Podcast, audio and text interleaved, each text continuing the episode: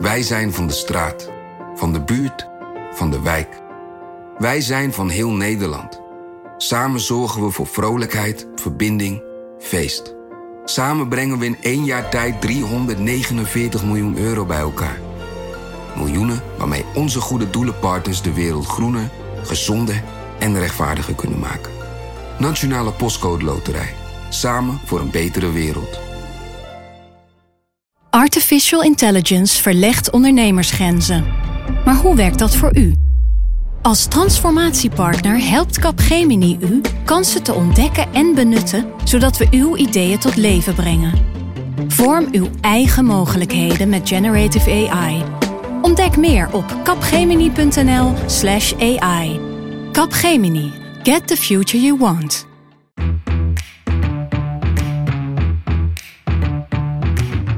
Dit is Haagse Zaken. Mijn naam is Lemia Aharwai. Uh, Van Rijn die komt uh, binnen en die zegt: Jongens, er gaat 2 miljard naar de verpleeghuizen. En ik weet wel dat we normaal gesproken daar nu over gaan debatteren. Maar er is niks meer aan te doen. Succes ermee. Ik merk dat het lastig is, ook voor ministeries, om uit te leggen waar dat geld wat op 1 januari beschikbaar is gekomen, waar dat in die eerste acht maanden is gebleven. maar we, we, moet, we, moeten niet het memo noemen, want dan wil de Tweede Kamer het hebben. en dat moeten we voorkomen. In mijn schatting nog maar 10% uitgegeven van die 2,6 miljard die ik volg. En we zijn al maand 9 van het jaar, dus we hebben nog een kwartaal om, het, uh, om dat uh, goed te maken. Geld Jongens, terug. geld terug. Minder geld voor ouderen. Bij mij, Enzo van Steenbergen, zorgredacteur op de Haagse redactie en de man die het verhaal van 2,1 miljard wist te reconstrueren. En Filip de Witwijnen, Excel-koning van de politieke redactie. Hij volgt de geldstromen in Den Haag en houdt ze dus ook allemaal bij in een uh, ja, toch wel legendarisch Excel-bestand. En in een ouderwetse uh, Milton-map. Echt? Zo'n ordner, ja. Is, ik heb twee ordners. Je hebt hem voor je liggen? Nee, die heb ik niet bij me. Die Oh, is oké. te zwaar. Hij is ook de ordnerkoning. Wat eh, old-fashioned is dat voor het geval dat het allemaal crasht? Ja, ik print heel veel uit. Oké, Heel slecht voor het milieu, maar eh, goed voor mijn geheugen. oké. daar gaan we straks heel uitgebreid over hebben. En zo, we beginnen bij jou. Context is altijd belangrijk. En om dit verhaal te vertellen beginnen we bij een heel persoonlijk moment voor een van de hoofdrolspelers. Die zit in 2014 bij het tv-programma Pauw aan tafel om te vertellen over zijn dementerende moeder. schrijnendste stuk, het is, sorry dat ik het zeg, soms loopt de urine langs haar enkels. Dat gaat over uw moeder. Ja. Ja, en, en dat gebeurt eh, ehm, omdat, en dat, dat zegt uw vader, omdat, eh, omdat ze op dat moment niet voldoende begeleid wordt. Ja, en dat is dus heel erg. Ja, dat is heel erg. En wie je hoort is eh, Martin van Rijn, de staatssecretaris van Volksgezondheid. Er is een artikel, eh, heeft er in het eh, Algemeen Dagblad gestaan, die dag. En daarin vertelt eigenlijk de vader van Martin van Rijn over de schrijnende situatie op de afdeling waar de moeder van Martin van Rijn woont, in het verpleeghuis. En eigenlijk is dat het startschot voor een enorme discussie in, eh, in Den Haag over eh, verpleegzorg. Het blijkt dat er in veel meer verpleeghuizen het helemaal niet goed gaat. Het blijkt dat er te weinig personeel is. Eh, het blijkt dat heel vaak, en die uitspraak komt telkens terug, de urine langs de enkels van ouderen loopt. Eh, en Martin van Rijn zit daar te praten bij Pauw. En ehm, voor hem wordt het dus heel persoonlijk. Het is heel pijnlijk dat het over zijn ouders gaat. Maar hij wil er ook iets aan doen. Want eh, dat is nou eenmaal zijn taak. En daarbij wordt hij in 2016 geholpen door eh, Hugo Borst. Die eerst bekend was als voetbaljournalist. En later een boek eh, schreef over zijn moeder. Ma heet het. Hij heeft later ook nog een vervolg geschreven. Zij heeft de ziekte van Alzheimer. Hugo Borst zag daar ook dat ze gewoon met te weinig zijn om goede begeleiding te geven aan dementerende ouderen. En wat hij doet is samen met een zorgactivist, Karin Gamers, stelt hij een manifest op. Dat is eind 2016. En daar zitten ze dan ehm, eh, over te praten in de wereld draait door. Ja, Hugo Borst publiceert vandaag een manifest. Morgen in het Algemeen Dagblad eh, eh, te, te lezen. Het is genoeg geweest, Hugo, mag ik het zo zeggen. Basta. Even de voorgeschiedenis. Het was een zwarte zomer voor de ouderen in de verpleeghuizen. Zij bleken structureel niet de zorg te krijgen die zij zo hard nodig hebben. Elf verpleeghuizen kwamen zelfs op een zwarte lijst, waaronder die van Hugo's moeder. Hij schreef erom in het AD van 7 juli, hartje zomer, een open brief aan staatssecretaris Van Rijn, gepubliceerd in het Algemeen Dagblad. Die eindigde met de volgende zin: Het wachten is op een knal. Boze mantelzorgers, gefrustreerde verzorgers en managers met een geweten zullen de pleegzorg in deze mensonterende vorm laten ploffen. Nou, voor die knal is er nu dan nog een manifest en een website website scherpopouderenzorg.nl. Aan tafel Hugo Borst en wapenbroeder Karin Gamers. Als je een kijkje neemt op een uh, willekeurige woongroep, dan zie je mensen die geen aandacht krijgen. En dat komt omdat er maar één verzorgende op zit. En die ene vaste mevrouw die brengt iemand naar de wc, zitten de zeven onbeheerd. Dit is symptomatisch voor heel veel plekken in Nederland. Ja, dat was Hugo Borsters, die uh, vertelt waarom hij dat manifest heeft geschreven. Um, en dit deed echt iets in, in politiek Den Haag. Dit was een soort van. Het ging er dus al langer over, hoorde je aan Van Rijn. Maar hier, na dit manifest, waren alle politieke partijen van links tot rechts het met elkaar eens. Jongens, hier moet iets gebeuren. Er moet meer geld naar ouderenzorg. Valt het te verklaren waarom? Want in principe zegt Hugo Borst niet iets heel nieuws of zo. Nee, ja, het is een soort van, dan krijgt het een soort swing. Uh, iets wat al langer bekend is, eigenlijk al jaren bekend. Uh, en je voelt van dit speelt in de samenleving. Maar het werkt dan toch goed als iemand die zo bekend is en ook nog in de wereld draait door kan komen. Ja. Als die met zulke harde woorden zegt: jongens, er moet iets gebeuren. Wat ook helpt, is dat het bijna verkiezingen zijn dan. Ja. Dus dit speelt voor maart 2017, uh, de Tweede Kamerverkiezingen. En uh, ja, het is natuurlijk best wel een lekker uh, campagne opzetje. om te zeggen, wij gaan het doen. Ja. Wij gaan zorgen voor meer geld voor die verpleeghuizen. En tot eigenlijk verbazing van velen doet zelfs onze premier, VVD-leider Mark Rutte, daaraan mee. Wat wij bij de volgende formatie op tafel willen leggen is het voorstel om fors extra te investeren in onze verpleeghuiszorg uh, in Nederland.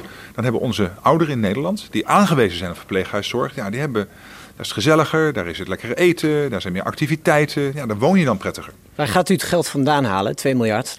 Ja, wat je zult zien dadelijk als die doorrekeningen komen van alle verkiezingsprogramma's, dan zul je zien dat er de komende jaren weer een klein beetje geld te besteden is. Het gaat beter met Nederland. Eh, de overheidstekorten zijn gedaald. Nou, voor de VVD is altijd de vraag, waar ga je dat dan aan besteden? Dan zullen mensen van ons verwachten natuurlijk aan defensie, politie, wegen. Eh, maar we hebben gezegd, luister, we zijn ook de partij van Erika Terpstra. Eh, de partij van de ouderenzorg in Nederland. Dus we gaan er ook voor zorgen dat als daar problemen zijn en ook kansen liggen, we ook daar fors in investeren. Dit is dus een maand voor de Tweede Kamerverkiezingen. Hij doet een verkiezingsbelofte van 2 miljard. Ja, en dat komt ook in het verkiezingsprogramma van de VVD. Uh, en uh, eerlijk gezegd, uh, wij zijn de partij van de ouderenzorg. Dat leverde wel wat hoongelak op in Den Haag. Want Rutte 2 was eigenlijk helemaal niet het kabinet van de ouderenzorg. In het begin wilden ze namelijk onder invloed van de VVD nog 500 miljoen besparen. Maar zo zie je dus wat zo'n beweging, onder andere door Hugo Borst, kan doen. De VVD werd de Partij voor de Ouderenzorg. Geweldig. Nou, um, wat belangrijk is aan het manifest van uh, Hugo Borst, is uh, eigenlijk punt 1 van het manifest. Dat was namelijk, we gaan stoppen met politiseren van het debat over ouderenzorg. Geen politieke spelletjes meer, geen moeilijke debatten. Um, we zijn het er allemaal over eens dat er iets moet gebeuren. En uh, nu gaan we het aanpakken. En uiteindelijk komt het ook zover. Het lijkt inderdaad zo te gaan. Martin van Rijn maakt eind mei bekend dat er 2,1 miljard wordt uitgetrokken voor verpleeghuizen. Dus die 2 miljard waar de VVD het ook over had. Nou, die, eh, dat geld komt er. En het kan beter gaan in verpleeghuizen. Waar ik dan de laatste maanden achter ben gekomen, is dat ze ehm, weliswaar hadden afgesproken om geen politieke spelletjes over te spelen. Uh, dat ze die belofte in ieder geval niet helemaal hebben kunnen uh, waarmaken. Want in de laatste week van mei uh, is er een um, soort gevecht geweest in het demissionaire kabinet Rutte 2 over de vraag: moeten we eigenlijk wel zoveel geld uitgeven? Ja, en dit is belangrijk, want eigenlijk weet jij wat er gebeurde in de momenten voordat die brief verzonden werd naar de rest van de Kamer. Ja. Er is ruzie gemaakt. Daar komt het op neer. Ja, er is uh, stevige ruzie gemaakt. Je moet je voorstellen uh, dat er op dat moment wordt er een nieuw kabinet geformeerd. Rutte 3. En, uh, moeizaam, ging heel moeizaam. Heel moeizaam, ja. En de bewindslieden van Rutte 2 moeten dan met elkaar praten over de begroting van het jaar daarna. Dus ja, dat is al een hele rare situatie natuurlijk. Er wordt een ja. kabinet geformeerd en in een andere kamer uh, zijn ze bezig met bepalen hoe het geld ja. gaat stromen. Dan moet je dus een beetje inhouden als dimensionair kabinet. Dan kun je niet opeens een bedrag van 2 miljard gaan beloven voor, de, voor je opvolgers. Ja, precies. En dan komt dus in de uh, Trevenzaal, waar de ministerraad altijd is, er komt uh, Martin van Rijn uh, binnen. Die is eigenlijk staatssecretaris, maar die valt in voor Edith Schippers, de minister. Want Edith Schippers is informateur.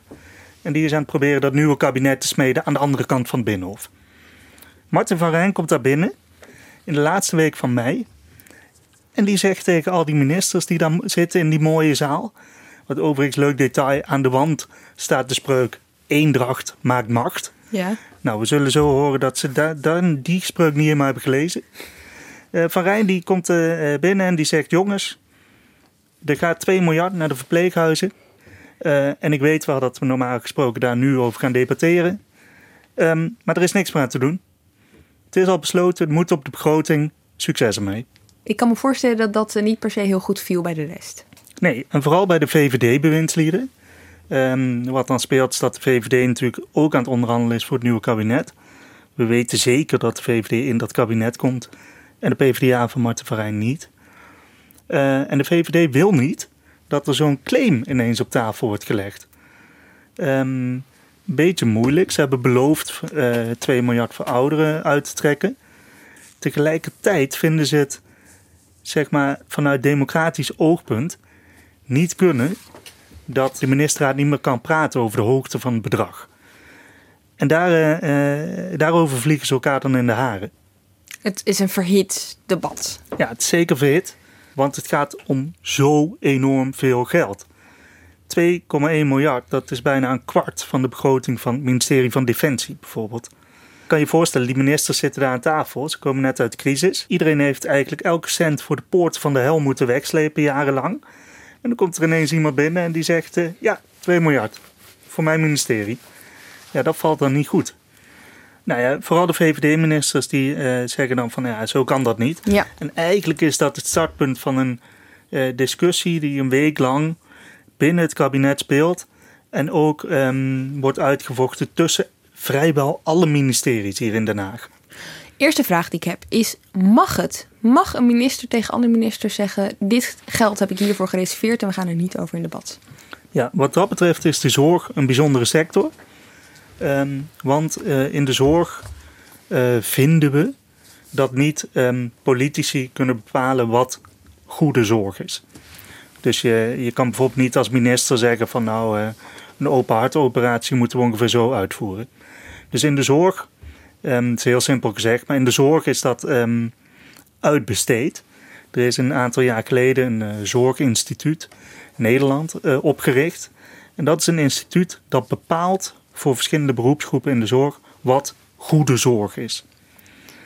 Um, zij schrijven dan een uh, rapport als het ergens in de sector niet goed gaat. Mm -hmm. In dit geval de verpleeghuizen. Dus zij hebben een rapport geschreven waarin staat: dit en dit en dit moet er gebeuren om de verpleeghuizen weer op orde te krijgen. Wat er dan gebeurt is dat, uh, is dat de Tweede Kamer heeft geregeld dat het rapport wat zo'n zorginstituut schrijft, dat dat bindend is. Oftewel, alle verpleeghuizen moeten uitvoeren wat er in dat rapport staat. Um, Daarmee zet de Tweede Kamer, want de Tweede Kamer heeft het goedgekeurd hè, dat er zo'n instituut ja. überhaupt, überhaupt bestaat. Hebben ze eigenlijk zichzelf opzij gezet? Eigenlijk hebben ze zichzelf opzij gezet, ja. Dus Martin van Rijn met dat rapport onder zijn arm naar die ministerraad en die zegt: jongens, we kunnen die niet meer omheen. Ja. Er wordt over gedebatteerd. Ze gaan weer allemaal hun eigen weg. Maar er is één minister die het niet los kan laten. Nee, en dat is uh, Henk Kamp. Henk Kamp is um, wat dat betreft, dat was de minister van Economische Zaken van de VVD. En dat is eigenlijk een beetje een bijzondere minister. Um, want waar heel veel ministers al blij zijn als ze al hun eigen dossiers kunnen lezen en dan ook nog een uurtje slaap meepakken, uh, is Henk Kamp iemand die alle dossiers leest. Ook van zijn collega's. En zeker als het om veel geld gaat. Um, en hij staat er ook echt om bekend dat hij zich dan in de ministerraad overal mee bemoeit. Uh, en hij, uh, dit, was echt, uh, dit was echt een Henk Kamp issue. Hij was zeker heel populair bij de rest. dat je wat aan het vertellen bent en dat hij ja, Het is wel een hele aardige man. Hij zorgde ook voor de bloemen als iemand jarig was. Dan was hij degene die attent met een cadeautje binnenkwam. Ja, en hij staat als eerste aan de deur als er een kind is geboren ergens. Dus hij heeft wel goodwill. Maar hij is ook scherp. Um, en in dit geval zeker. En hij vond dat gewoon echt niet kunnen. Dat die claim zo op tafel werd gelegd. En daar heeft hij, uh, uh, ja, heeft Martin van Rijn heeft hij echt opgejaagd. Uh, tot het allerlaatste moment dat die brief naar de Tweede Kamer moest. Waarin werd aangekondigd dat die miljarden naar de verpleeghuizen gingen. Ja, want de avond daarvoor mailen zij elkaar. Hè? ja, dat is, dat is eigenlijk heel spannend. Dat is iets wat je eigenlijk nooit te zien krijgt. Hoe gaat dat nou in Den Haag? Hoe werkt het nou achter de schermen? hoe lopen de poppetjes? Uh, en in dit geval was het zo dat uh, Henk Kamp op de avond voordat de bewuste Kamerbrief naar de, werd verstuurd, gaat Kamp langs bij Van Rijn. En dan zitten ze met elkaar te praten over wat moet er nou in die brief staan. En dat gaat allemaal heel gedetailleerd. Echt punten en komma's gaat het over. Het zijn allebei mensen met enorm veel ervaring in Den Haag. En zij weten dat details ertoe doen in een brief. Nou, dan hebben ze een overleg gehad die avond. En dan stuurt Van Rijn een conceptbrief. Uh, stuurt hij weer naar Kamp. Zo van, nou, kijk er nog eens naar. Moet hij uh, dat doen of doet hij dat uit een soort van collegialiteit? Uh, ja, ik, ik, denk het laatste. Okay. Kijk, je wil ook geen ruzie. Ja. Hè, dus je wil liefst samen uitkomen. Um, maar dat was in dit geval wel lastig. En dan gaat Kamp... die heeft overigens ook een heel grappig e-mailadres. Want ook wat dat betreft is hij bijzonder. Hij doet niet gewoon uh, voorletter en achternaam uh, at uh, minez.nl. maar hij had Kivit, noemde hij zichzelf. Dus een veel voorkomende weidevogel. met, met brede, brede vleugels. Nou, die brede vleugels die zetten die op. Ik moet zeggen, want ik heb dit hele verhaal gelezen en dit was nou een van de details waarvan ik dacht: dit is bijna het belangrijkste van dit hele verhaal. Waarom? Waarom, waarom is dit zijn e-mailadres? Ja, het was een soort codenaam, denk ik. Dat ja, het, niet... het, was een soort publiek geheim onder de, onder de bewindslieden. Maar eigenlijk weet niemand echt. Oké. Okay. Ik, ik, ik, denk dat er maar een paar mensen dat mailadres hebben. Dus dat er echt, uh, zeg maar soort van privé-mailadres. Ja, belangrijke mails onderling, die zullen dan via dit adres gaan. Maar Henk Kamp heeft er ook eerder gedoe gehad over een uh, Gmail-adres dat hij gebruikte. Oh, ja. Dus hij heeft misschien nu een uh, veilige manier gekozen om toch anoniem binnen het ministerie uh, te kunnen mailen. Ja, ja nou, de Kivit, nou, drijven even af. Oh ja, oh ja. Oh ja. Um, zij gaan dus met elkaar mailen. En dan zegt Kamp van ja, um, ik, ik ben het er nog steeds niet mee eens. En uh, ik vind uh, dat er nog van alles moet veranderen. We moeten duidelijk maken dat er minder geld uitgegeven kan worden. Uh, van Rijn geïrriteerd. En het is inmiddels na middernacht. En dan stuurt Van Rijn weer terug van ja, um, hoezo minder geld? Er gaat 2,1 miljard naar verpleeghuizen. En zo beginnen ze nog een tijdje met elkaar te, uh, over en weer te mailen. Het wordt ook steeds onvriendelijker, is misschien niet helemaal het juiste woord, maar de aanhef verdwijnt, laat ik het nou zo ja, zeggen. de vriendelijke aanhef die laat ze al snel achterwege. Ja, dat is goed gezegd. En uh, nou, de volgende dag pas gaat Kamp dan toch akkoord met de brief. Op de dag dat de brief ook naar de Kamer moet. Um, en hij heeft eigenlijk twee wijzigingen gemaakt dan, hè? Ja, er zijn denk ik wel wat meer wijzigingen geweest. Maar twee maar, opvallende, laat ik het zo opvallende, zeggen. Ja. um, in, de, in de conceptversie van de brief wordt uh, drie keer het bedrag genoemd van 2,1 miljard. Nou, dat vindt Kamp niet nodig. We hoeven niet in het begin, aan het eind en in het midden dat bedrag te noemen, maar alleen in het midden. Dat hoeft niet zo op te vallen. En ook begon de brief in eerste instantie met allerlei passages waaruit bleek hoe erg het wel uh, was in verpleeghuizen en hoe belangrijk het was om dat te verbeteren. Veel te emotioneel, dat halen we eruit. Nou, dat staat er dus ook niet in. Het is hem gelukt. Wat het is hem gelukt wat dat betreft. Maar het is van Rijn gelukt om het geld vrij ja. te krijgen. Ja, en dat is toch wel het belangrijkste. Want al staat er maar één, één keer 2,1 miljard in, het valt natuurlijk wel op zo'n enorm bedrag. Ja, het, het, is uiteindelijk ook op de nieuwe begroting gekomen. Ja. Um, dus wat opmerkelijk is, is dat het kabinet zo ontzettend heeft geruzied over dit geld. Terwijl ze hadden beloofd om dat niet te doen. Maar dat uiteindelijk heeft Van Rijn wel gewoon gewonnen. Ja, er is nog iets opmerkelijk. En dat is er dat die 2,1 miljard als een soort vaststaand feit werd gebracht. Ja. En ook dat blijkt iets anders te liggen. Ja, um, want je moet natuurlijk iets hebben om over te ruzien. Um, en in dit geval werd, uh, ging de ruzie over hoe juridisch bindend is het nou eigenlijk? we hebben net uitgelegd um, dat Zorginstituut dat een verbeterplan maakt voor uh, verpleeghuizen. Um, wettelijk verplicht door te voeren. Maar is het ook wettelijk verplicht om daar zoveel geld voor uit te trekken? En um, eigenlijk ging daar de ruzie over. Dus de VVD-bewindslieden geloofden niet zomaar dat heel dat bedrag uitgetrokken moest worden. En Van Rijn dacht van wel. Uh, en toen hebben ze de uh, uh, juristen daar onderzoek naar laten doen. Um, mensen van de landsadvocaat. Dat zijn advocaten die dan vaak voor de Rijk dingen uitzoeken. En die juristen schrijven een notitie aan de ministeries. En dat is eigenlijk een beetje een notitie die je op twee manieren kan lezen. Aan de ene kant zeggen de juristen: niks meer aan te doen, dit geld moet gewoon vrijkomen. Aan de andere kant schrijven ze in dezelfde notitie: ja, er zijn nog wel een paar knoppen waaraan gedraaid kan worden. Um, en het grappige is dat de tegenstanders die uh, grijpen die notitie aan om te zeggen: jongens, we hoeven helemaal niet zoveel geld mm-hmm. uit te trekken. En de voorstanders van Rijn, die grijpen dezelfde notitie aan om te zeggen: nou, het moet. Het moet, ja. Dus je ziet ook dat bijvoorbeeld uh, Janine Hennis, was de uh, minister van Defensie op dat moment. Die had wel geld nodig. Die had, uh, ja, die had denk ik graag geld willen hebben. Die mengt zich ook in het debat en die heeft bijvoorbeeld Henk Kamp gevoed met argumenten voor zijn strijd met Van Rijn. En die mailt ook naar Henk Kamp van, nou Henk, um, als je dat memo van die landsadvocaat leest, dan zie ik dat de minister van Volksgezondheid wel degelijk mogelijkheden heeft om minder uit te geven. Ja, naast het kabinet heeft de Kamer ook nogal vragen gesteld over die 2,1 miljard en of dat 2,1 miljard moet zijn. En het antwoord dat zij hebben gekregen was steeds ja. Ja, eigenlijk met, uh, kijk, het kabinet spreekt met één mond, zoals dat dan heet. Dus in de, wat uiteindelijk naar buiten is gekomen is een eenduidig verhaal. Um, dit geld moet op de plank uh, en we gaan het uitgeven. Um, wat niet naar buiten is gekomen is dat daar discussie over is geweest. Mm -hmm.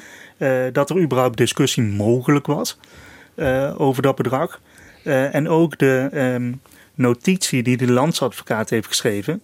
Waaraan je dus kunt zien, oh hier, hier kunnen we nog over debatteren, over dit bedrag. Is ook niet gedeeld met de Tweede Kamer.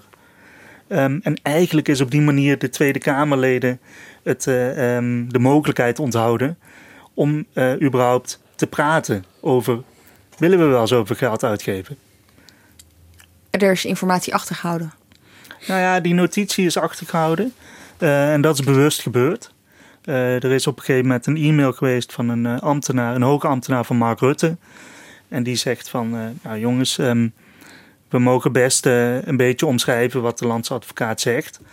maar we, je moet, we moeten niet het memo noemen. Want dan wil de Tweede Kamer het hebben. En dat moeten we voorkomen. Ja. Ik kan me voorstellen dat als je als Kamerlid hier nu achterkomt, dat je best wel boos wordt. Want er is je informatie achtergehouden in een beslissingsproces. Ja, ik denk wel dat. Kijk, als, als Kamerlid wil je het liefst dat um, de ministeries zo open mogelijk um, antwoorden op je vragen.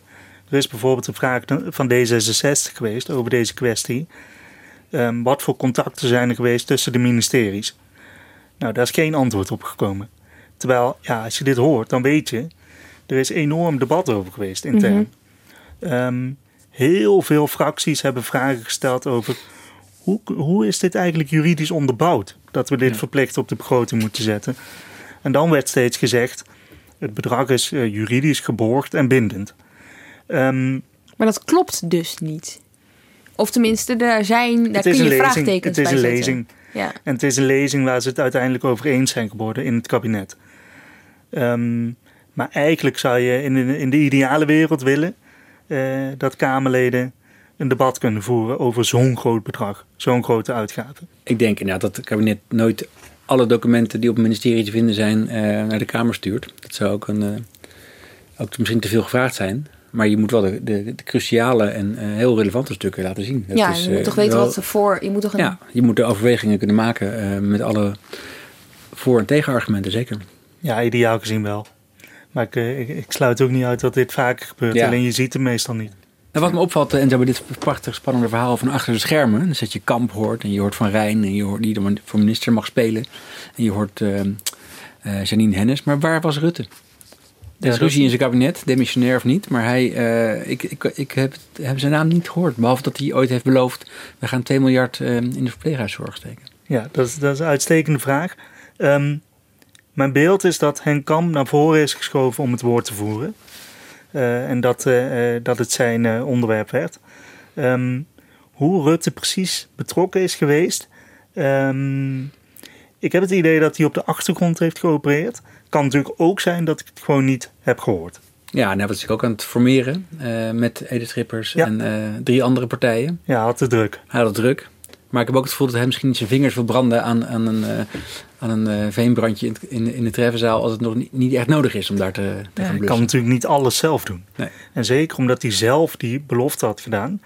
En ook al ging het de VVD er niet om dat ze geen geld voor ouderen wilden. Maar het, maar het ging ze erom dat ze het democratisch proces niet in orde vonden.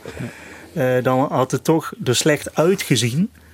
Um, als hij het ging aanvechten. Ja, als hij het ging aanvechten. Ja. Want dat kan je heel makkelijk op een andere manier uitleggen. Ja. Namelijk?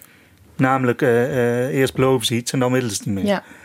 En dan, dat is... Uh, de beloftes van Rutte. Dat moet je voorkomen. er zijn wel vaker... Ik, ik ja, maar zo was het dus niet. Zo was het dus niet. Nee. Oké, okay, Enzo, het is nu anderhalf jaar later dan dat die brief werd verstuurd door Van Rijn. Waarom is dit nu nog relevant?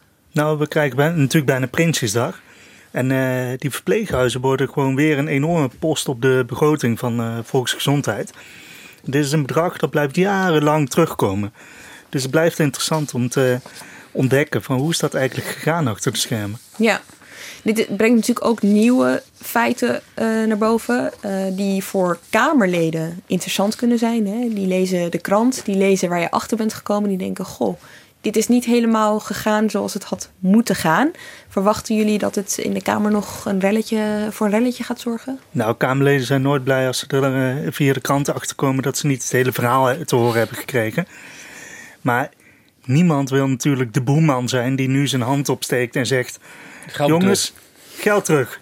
Minder geld voor ouderen. Dat gaat ja, nee. natuurlijk niet gebeuren. Ik hoor het ze ook niet zo heel snel zeggen, inderdaad. Oké, okay, Filip, die 2,1 miljard, die was dus gereserveerd voor ja. verpleeghuizen.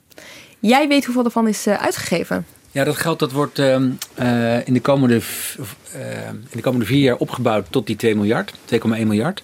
En dit jaar zou de eerste, ehm, de eerste hap daarvan eh, beschikbaar komen. Dat was een kleine 600 miljoen, 577.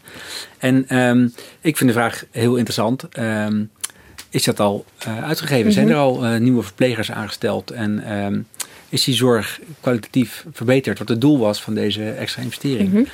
Vanaf uh, eind vorig jaar hebben verpleeghuizen er al op voorgesorteerd door uh, te beginnen met personeelswerving, want dat mm -hmm. was het belangrijkste uh, um, aspect van het hele plan. Er moest meer handen moesten meer handen aan het bed ja. komen. Dus um, de, ik heb een rondje gebeld vlak voor de zomer en daaruit bleek dat um, grote verpleeghuizen, kleine verpleeghuizen er nog wel in slagen om uh, mensen aan te trekken. Dus mijn, mijn ruwe schatting, met behulp van wat deskundigen, is dat er nu zo'n beetje, waar heb ik het staan, 290 miljoen is uitgegeven van de 577 miljoen die voor dit jaar is beloofd. En er zijn nog een paar maanden te gaan en we zitten dus halverwege. Het kan nog. Het klinkt als weinig of zo. Het klinkt als weinig. Dat Vooral denk ik... omdat ze er zo om zaten te springen. Ja, Um, we krijgen altijd in mei uh, verantwoordingsdag. Dan kijken ze naar de boeken van het jaar ervoor. Dus we hebben 2017 gehad. En, uh, maar uh, de president van de Rekenkamer, Arno Visser, oud-Kamerlid voor de VVD, die constateert ook vaak tot zijn ergernis dat het geld van, het, van de overheid, de uitgaven van de overheid heel slecht te volgen zijn. Nou, ik denk dat ongeveer 30% van de uitgaven die in Den Haag rondgaan, aan de inkomsten- en uitgavenkant, tot uh, heel ver te volgen zijn. En dan praat je over het ministerie van Defensie, het ministerie van Justitie, het ministerie van Financiën en de Belastingdienst. 30 procent. Dus uh, ik geloof dat de, de burgers, wij met z'n allen hoesten per jaar 300 miljard euro aan belastingen op. Hè? Belastingen en premies. En premies. Dat, gaat, dat geven wij allemaal aan het Rijk. Ja. En daarvan kunt u ongeveer 30% controleren of dat goed besteed wordt. Ja, en dan kan je tot het laatste moment volgen. Maar het grootste deel van het geld blijft niet in Den Haag. Nee. Maar komt terecht in het onderwijs, komt terecht in de zorg... komt terecht bij gemeenten en provincies. En dan zijn er steeds andere afspraken, Europa. Al is dat niet zoveel, ongeveer 4% ervan. Okay. Uh, maar uh, het belangrijke is dat we steeds vers verschillende afspraken hebben. En die afspraken niet matchen met de, uh, aan de achterkant... met hoe we van tevoren afspreken zaken te willen gaan doen. 70% dus niet. Ja, niet te volgen, zegt hij. Het is niet dat het uh, wordt weggegooid, maar het is moeilijk te volgen hoe dat precies wordt besteed en of de de doelstellingen die ermee waren beoogd, of die worden bereikt. Dat is echt een groot probleem. Dat, daar heeft eh, de Rekenkamer wel gelijk in. En ik vind dat lastig. Althans, ik, ja. merk dat het lastig is, ook voor ministeries, om uit te leggen waar dat geld wat eh, op 1 januari beschikbaar is gekomen, eh, waar dat in die eerste acht maanden eh, is gebleven. Het is een, er zit een heel bureaucratisch eh, proces achter. Ehm, Zo bureaucratisch dat je dus niet eens meer erachter kan komen hoe het geld Ja. beweegt. Ja, nou ja, van de potjes die ik volg, want ik volg voor dit jaar. eh, voor dit jaar had het kabinet bedacht, we gaan eh 5 miljard eh, investeren. Dat loopt op tot eh 9 miljard aan het eind van de kabinetsperiode. En extra investeringen in zorg, in onderwijs, in defensie, in de politie. En eh, ik heb bedacht, ik ga gewoon eens die potjes volgen. Want eh, wat mij eh, stoort in Den Haag is dat iedereen altijd maar over begrotingen praat voor volgend jaar of de jaren daarna. En weinig, er veel minder belangstelling is voor wat er nou is uitgegeven in, in het vorige jaar. Of wat er dit jaar aan, ehm, uitgegeven wordt. Waar zijn we mee bezig? Waar is dat geld? Dus ik probeer die potjes te volgen. Er zijn ontzettend veel investeringspotten, maar ik heb er tien geïdentificeerd. En die, probeer ik echt te volgen. Om uit te leggen waar dat geld wat eh, op 1 januari beschikbaar is gekomen. eh, waar dat in die eerste acht maanden eh, is gebleven. Het is een, er zit een heel bureaucratisch proces achter. Ehm, Zo bureaucratisch dat je dus niet eens meer erachter kan komen hoe het geld Ja. beweegt. Ja, nou ja, de, ik probeer het bij te houden. Eh, aan het eind van deze maand, een spannend moment voor eh, de leraren in het basisonderwijs. Die kregen, eh, die kregen er dit jaar eh 270 miljoen bij. Dat was ook zo'n was een andere rel vorig jaar bij de, bij de formatie. Hè, toen het demissionaire kabinet daar ook ruzie over kreeg. En de PvdA eh, dit ook als een soort voldongen feit neerzette. Eh, dat geld is niet genoeg volgens de onderwijssector, want die zijn nog steeds aan het staken. Maar ehm, er moest eerst een CAO worden afgesloten. Mhm. dat, is, eh, dat duurt ook een paar maanden. Ehm, en ik begrijp nu dat op het loonstrookje van september, dus over, eh, over een paar weken, dan zullen de leerkrachten in het onderwijs die loonsverhoging zien met terugwerkende kracht. Dus dan hebben ze vanaf 1 januari een flinke loonsverhoging erbij van een eh, procent of 8 en een eenmalige bonus. Dus dat, dat loonstrookje, dat- daar wil ik ook wel, eh, eh, ik wil met leraren gaan bellen van, goh, laat, mag, ik, mag ik even meekijken? Is dat loonstrookje... Het net- loonstrookje. Mag ik die loonstrookje is dat, is dat veel Ja. vetter dan eh, de vorige maand? Want Ja. dat is de bedoeling. Ja. En dan zo, zo ehm, gedetailleerd wil ik het eigenlijk eh, volgen. Aan het eind van elke maand doe ik mijn rondje langs departementen om te vragen: is het geld al beschikbaar Hoe gesteld? gaat dat? Hoe gaat dat? Ehm, nou, ze vonden het allemaal een interessant project en ze willen daar meewerken, maar er is niet elke maand wat te melden. In het begin van het jaar moesten heel veel ministeries eh, wachten op plannen van de nieuwe minister. Er moest een defensienota komen bij eh, Defensie. Er moest een eh, notitie diplomatiek netwerk komen van de minister van Buitenlandse Wat? Zaken over 10 miljoen Wacht, extra, wacht, 20 miljoen wacht, extra voor, eh, voor ambassades en consulaten. Wat is dat? Nou, er moet eerst een plan komen. Hoe, eh, de, de, de minister Blok kreeg, toen nog eh, minister Zelstra, kreeg 20 miljoen dit jaar voor de uitbreiding van het diplomatieke netwerk. Voor, op zich logisch, voordat je weet waar je het aan uitgeeft, moet er eerst een idee komen. Een Van soort waar- businessplan. businessplan. Nou ja, uiteindelijk heeft hij dat voor de zomer wel gemaakt. Maar dus een, een eerste, de eerste helft van het jaar was dat geld niet te gebruiken. En als dat plan niet alleen dan naar de Kamer gaat, want die heeft het kunnen lezen. Er komt een eh honorair consul in Atlanta bij. En er komt een ambassade in, ik meen, Tjaat. Gefeliciteerd met die functie allebei. Maar Ja. ik wil weten, is het al open? Is er al een gebouw gehuurd? Maar dat heb ik nog niet kunnen horen. Of dat geld al echt wordt uitgegeven. Maar wacht, ik wil even terug naar... Jij pakt dus elke maand de telefoon... en dan bel je zo'n ministerie... en dan zeg je, ik wil even weten waar jullie geld Ja, bellen of mailen. En dan zeg ik, dit is mijn vaste vraag. Is, eh, hebben jullie al, kunnen jullie een stap verder zetten in de vraag die ik heb? En dan denken ze, hé, wat een irritante gast. Nou, ik denk dat ze het eh, ook wel leuk vinden om het uit te zoeken. Maar het merk Dat hoop je. Ik, ik, ik, ik, ik Dat ze merk dat, denken, daar heb je hem weer. Nee, dat, dat zullen ze zeker ook hebben. Maar ik denk ook, ik merk eh, soms, eh, ze zeggen heel vaak nee, het is geen nieuws. Hetzelfde als vorige maand. Dat is frustrerend ook voor hun, want ze moeten het ook uitzetten in hun Ja. departement. Maar ik kreeg vandaag toevallig vanuit onderwijs kreeg ik een heel... ehm, eh, eh, heel strak schema van nou, eh, voor dat extra geld voor de leerkrachten gaan we dat deze maand zo doen. En dan eh, is er nog een potje geld van 10 miljoen om de werkdruk te verlagen. Daar hebben we wat mee zitten schuiven. Nou, dat wist ik een beetje. Maar nu hebben ze een soort schemaatje gemaakt hoe dat nou wordt uitgegeven de komende maanden. Nou goed, ik probeer dat elke maand bij te houden. En, eh, maar van al die potjes, van al die 10 potten, is er nog maar in mijn eh, schatting is het hoor. Is niet een wetenschappelijke berekening, maar is er nog maar 10% uitgegeven van die 2,6 miljard die ik volg. 10 En we zijn al, eh, we zijn al maand 9 van het jaar. Dus we hebben nog een kwartaal om, het, eh, om dat eh, goed te maken. Maar goed, investeringen in defensie, die zijn ook vrij fors. Er gaat dit jaar in de, in de modernisering eh, van, de, eh, van de krijgsmacht... gaat er eh, bij elkaar 775... Nieuwe tanks en zo is, is dat. Ja, nieuwe tanks, ehm, Uitrusting, ondersteuning en, modernisering krijgsmacht. Dus bij elkaar een pot van 775 miljoen. En dat loopt op richting ehm, Het is anderhalf miljard, hè, krijgt Defensie Mhm. erbij. En een tank koop je niet zomaar. Dat duurt even. Zoals, zoals iemand van Defensie mij vertelde. Je, het is anders, anders dan bij subsidies. eh, of bij boodschappen doen in de supermarkt. Je kunt niet zeggen, we hebben dit nu nodig en we gaan het nu kopen. Het is een Mhm. heel proces. En er is een lange lijst, een verlanglijst van Defensie. Die bestaat ook al jaren.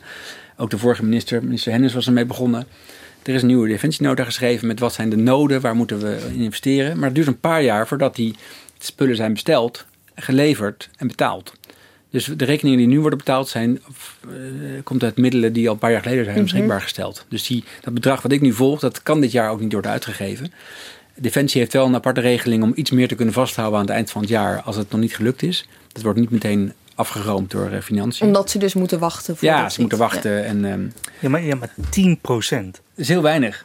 En eh, er wordt wel gezegd, eh, kijk, stap 1 is dat financiën die plannen goedkeurt en dan het geld beschikbaar stelt op de departementale begroting. En stap 2 is dan dat het departement dat uit gaat zetten in, nou ja, in de sector waar ze over gaan. Ehm, en bijvoorbeeld, ik ik heb deze week, eh, de komende week heb ik een aflevering over eh, de regio-envelop. Dat is een ehm, Aflevering in de serie die je maakt. ja, aflevering 8 in de serie. Die gaat over de regio-envelop. En dat wordt die wordt beheerd door eh, Carola Schouten, de minister van Landbouw, Natuur en de V weet ik nooit. Visserij? En VWA toch? Of, eh, Nee, LNV. Eh, en eh, zij heeft een pot geld gekregen van 1 miljard, 950 miljoen.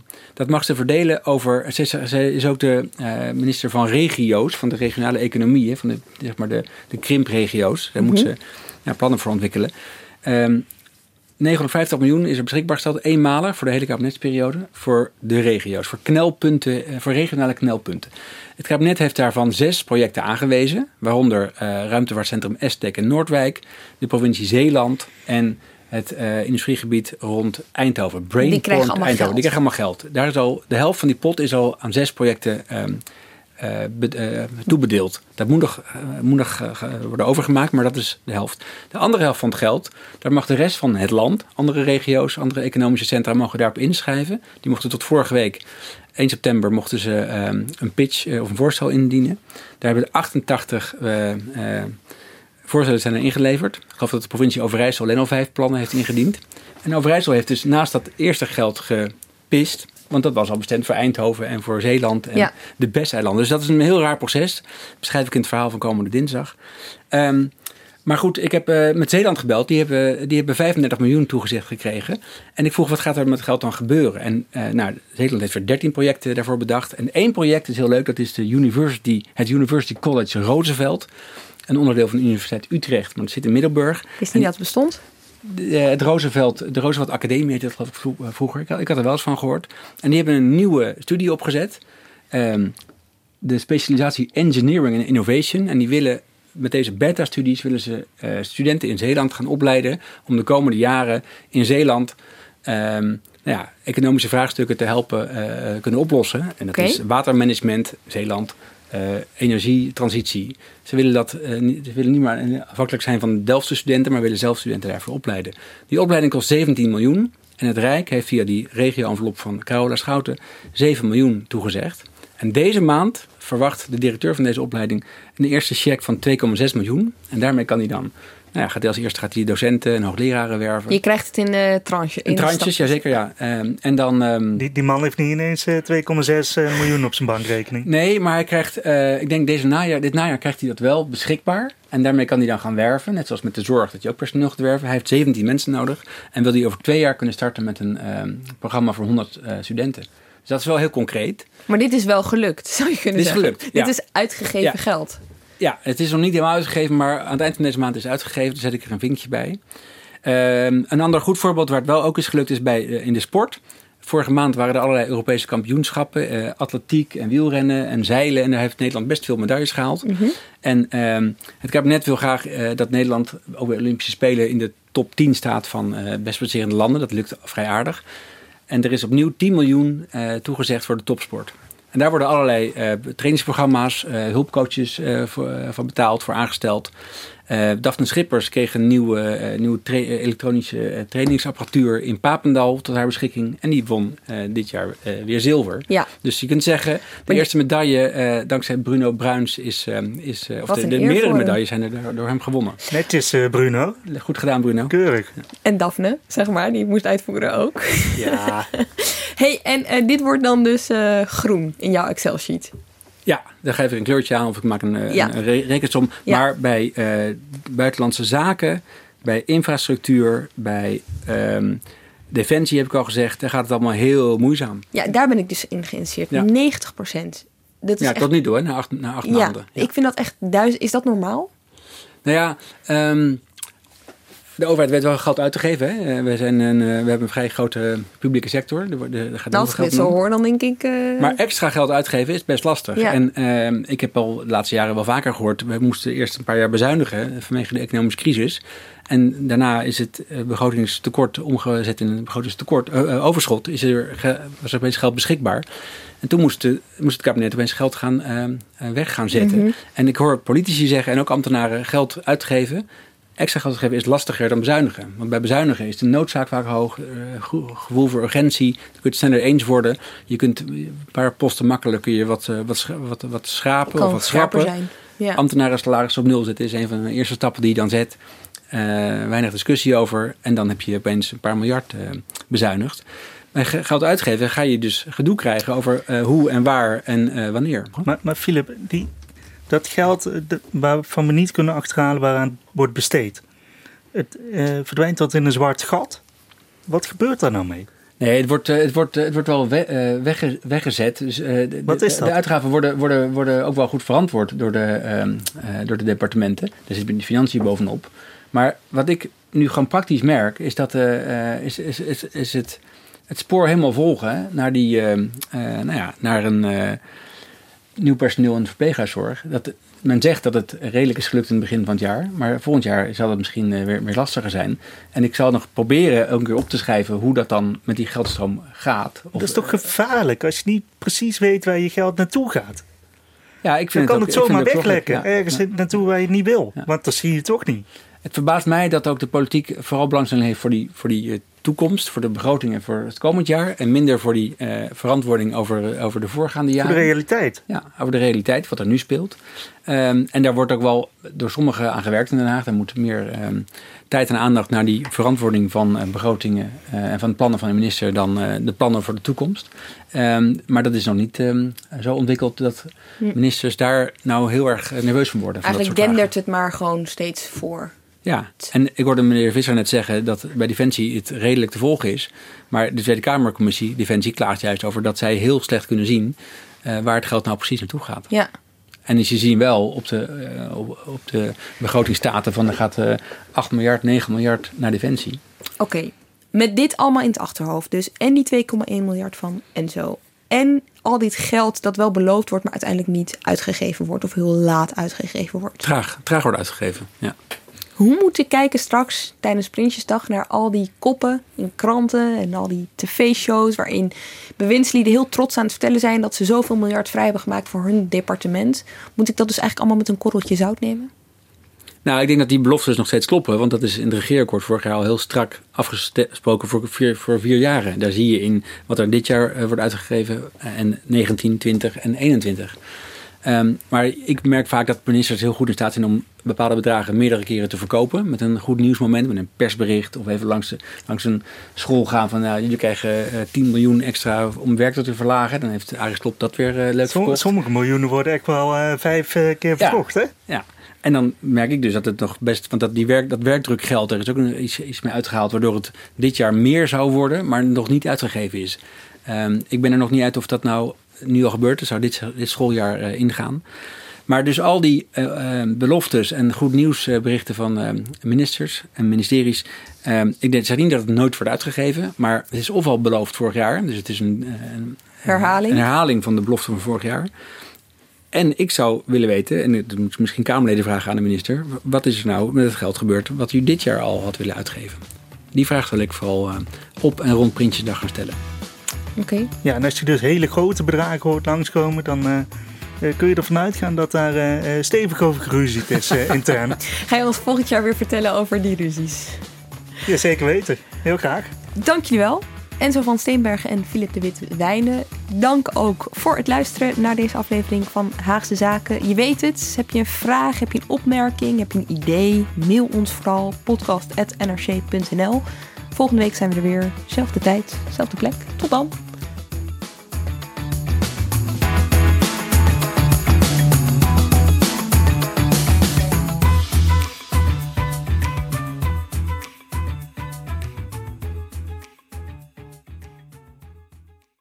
Ik ben al jaren ondernemer, maar waar moet ik eigenlijk allemaal aan denken nu ik voor het eerst personeel wil aannemen, voor het eerst ga importeren of voor het eerst een bedrijfslocatie zoek? Weet wat je wel of niet moet doen bij zaken die je voor het eerst oppakt. Check kvk.nl voor praktische stappenplannen. KVK, hou vast voor ondernemers.